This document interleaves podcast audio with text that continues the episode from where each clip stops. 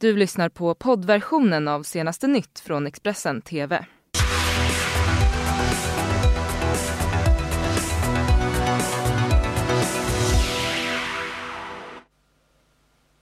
God morgon, välkomna hit till senaste nytt. Det är torsdag och det är dags för oss att kika på morgonens rubriker. Kraftigt jordskalv på gränsen mellan Laos och Thailand. Byggnader ska ha skakat i Bangkok. I natt drabbade de demokratiska presidentkandidaterna samman i en debatt i Atlanta. Hör vår samarbetspartner CNN om debatten. 17-åriga Vilma har nu varit försvunnen sedan i torsdags. Marinens röjdykare har nu kallats in när sökandet fortsätter. Ja, men vi ska börja med att berätta att en kraftig jordbävning inträffat i gränstrakten mellan Thailand och Laos enligt det amerikanska geologiska institutet. Eh, skalvet som hade sitt epicentrum på, eh, på Laos-sidan av gränsen när provinsen Nan i norra Thailand hade en magnitud på 6,1. Det finns hittills inga rapporter om några större skador men skalvet ska ha fått byggnader i Bangkok omkring 60 mil därifrån att skaka enligt nyhetsbyrån AP. Skakningarna ska även ha känts av i Vietnams huvudstad Hanoi. I natt, svensk tid, så har tio av kandidaterna till att bli Demokraternas nästa presidentkandidat drabbat samman i en tv-sänd debatt i Atlanta i Georgia i USA. En debatt som arrangerades av tv-kanalen MSNBC och Washington Post. Eh, men det är inte Joe Biden eller Elizabeth Warren som har stått i fokus inför den här debatten i natt. Istället så är det uppstickaren Pete Buttigieg som fått eh, alla blickar vända mot sig. En mätning gjord på uppdrag av CNN och eh, Des Moines Register i helgen visar att Buttigieg leder i opinionen i Iowa där primärvalet inleds den 3 februari nästa år. Och det här, alltså den här debatten ska vi prata om nu med Whitney Wild på vår samarbetspartner CNN och jag slår därför över till engelska. Welcome to Expressions TV, Whitney Wild. Thank you so much for being with us. Uh, first of all, uh, Pete Buttigieg have surged in the polls prior to this debate. How has this changed the dynamics between the candidates? We thought that it would change the dynamics a lot more than it did. Um, we were expecting that because Pete Buttigieg has had this rise in the polls, that more candidates would seek to to take a shot at him, and it really it didn't happen. I mean, some candidates did. Uh, Senator Amy Klobuchar attacked him for a lack of experience, and she also said, as she has said in the past, that she does not believe that a woman with his amount of experience would be seeing the same amount of approval. Uh, so, so that was one, you know, jab at Pete Buttigieg. But for the most part, he walked away pretty much unscathed. His campaign must be very, very happy with that, uh, and we'll see if that, if his rise in Iowa continues uh, following this debate, and then through uh, the December debate, which is another critical night. If he's still surging, then that's when we might see a few more attacks on Pete Buttigieg. But for the most part, he walked away unscathed. Um, what was the most important topics uh, in tonight's debate? So they came right out of the gate with questions about impeachment. There were multiple questions to multiple candidates. Some questions were, uh, you know, for example, directed at Bernie Sanders, saying, to what degree should the impeachment hearings play a role in a campaign? And, uh, you know, Senator Bernie Sanders said, look, you can't build an entire campaign around the impeachment and around President Trump. You have to build your campaign around policies.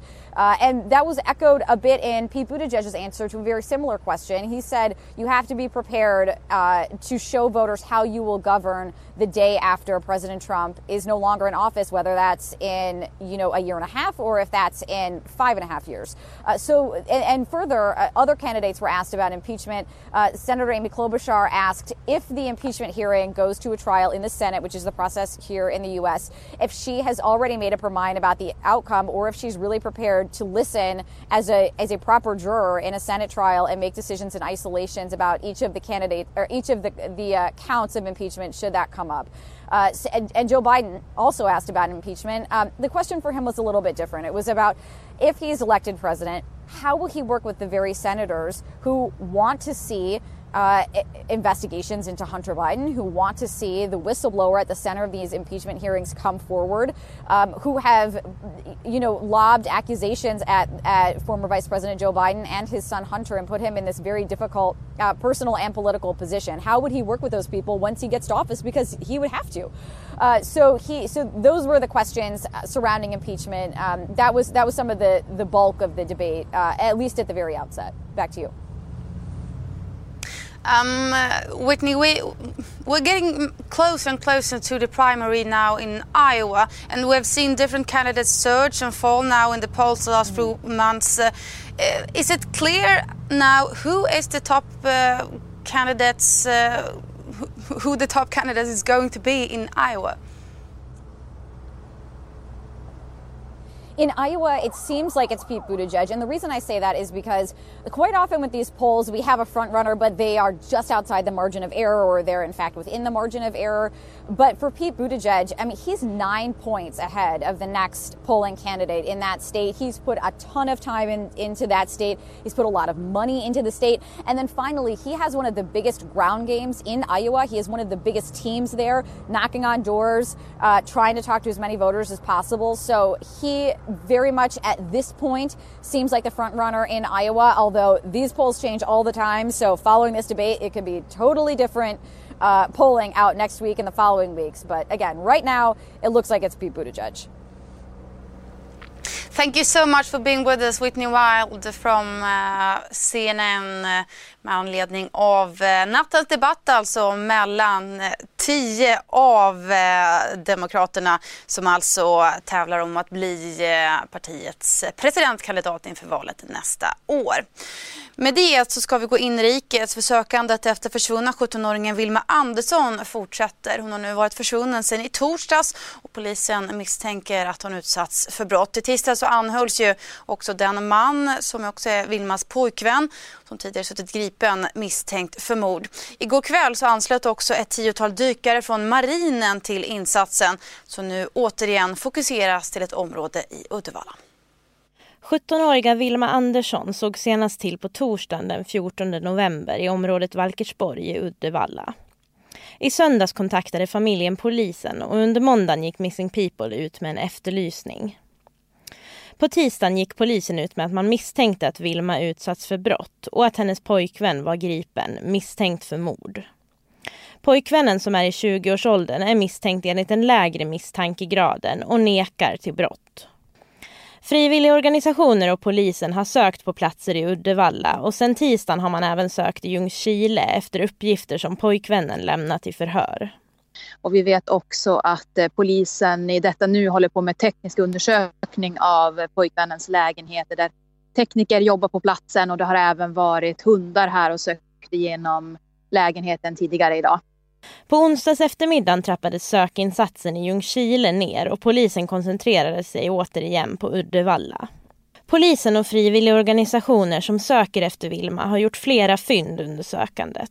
En jacka som liknar den som Vilma bar vid försvinnandet och ett par brända skor och ett par brända glasögon. Men det var under onsdagen för tidigt att säga om fynden är Vilmas tillhörigheter. Och sökandet fortsatte på kvällen. Det är inte rätt dag att ligga hemma på soffan och, och så när det här har hänt här hemma i Uddevalla. Och det engagerar en själv när man har barn själv och man tänker att det kunde varit mitt barn. Och nu är det någon annans barn. Då känner jag det. Kan jag bidra så vill jag bidra. Känner jag. Mer än en tredjedel av svenskarna är oroliga över att drabbas av gängvåld och störst är oron i Göteborg och Malmö. Det visar en ny undersökning som SIFO gjort på uppdrag av Expressen. Mätningen den visar också på lågt förtroende för Stefan Löfven i frågor om lag och ordning. Den opinionsmätning som SIFO gjort på uppdrag av Expressen visar att det finns en stor personlig rädsla för att bli utsatt för gängvåld i Sverige. Sammanlagt svarar 35 procent att de är oroliga. 11 procent är mycket oroliga och 24 procent är ganska oroliga. I Göteborg är rädslan störst, för där säger sammanlagt 45 procent av invånarna att de är oroliga. Men i Malmö svarar 21 procent att de är mycket oroliga. I Göteborg är samma siffra 18 procent. Samtidigt säger 63 procent av svenskarna att de inte är oroliga för att drabbas av gängvåld. Mätningen visar också på ett lågt förtroende för Stefan Löfven i frågor om lag och ordning. Bland annat tycker 66 procent att statsministern hanterar frågor om gängvåldet dåligt. Att de ser SD-ledaren Jimmy Åkesson som den mest lämpade för att sköta lag och ordning i Sverige. Och att bara 8 procent tror på polisen och politikernas löften om att våldet ska minska inom sex månader. Går den här utvecklingen att vända, att, att ni återfår förtroendet i frågan om gängkriminaliteten? Mitt fokus är att stärka polisen och ge polisen de befogenheter de behöver. Och när det leder till resultat, som polisen säger att de kommer att kunna redovisa efter sex månader, då tror jag att förtroendet ökar. Så jag har fokus på bollen, jag har fokus på arbetsuppgiften. Eh, då kommer det förtroende när man har hanterat en väldigt svår fråga också. Idag börjar rättegången mot kolumnisten Cissi Wallin som står åtalad för grovt förtal av den tidigare Aftonbladet-krönikören Fredrik Virtanen. Anklagelserna gäller ett inlägg där Wallin pekar ut Virtanen som våldtäktsman. Kolumnisten Cissi Wallin anklagade hösten 2017 den dåvarande Aftonbladet-krönikören Fredrik Virtanen för att ha våldtagit henne 2006. Anklagelsen publicerades i ett inlägg på Instagram. Wallin polisanmälde Virtanen 2012 men förundersökningen lades ner i brist på bevis. Efter inlägget på Instagram 2017 polisanmälde Virtanen Wallin för förtal. Och i september 2018 meddelade åklagaren att utredningen om förtal var klar och att åtal skulle väckas inom kort. Men så blev det inte. Virtanens advokat Monique Wadstedt skickade sedan in en ny åtalsanmälan till åklagarkammaren i Stockholm. Man menade att anklagelserna fortsatte i flera inlägg. Och i augusti i år meddelade åklagarmyndigheten att Wallin åtalas.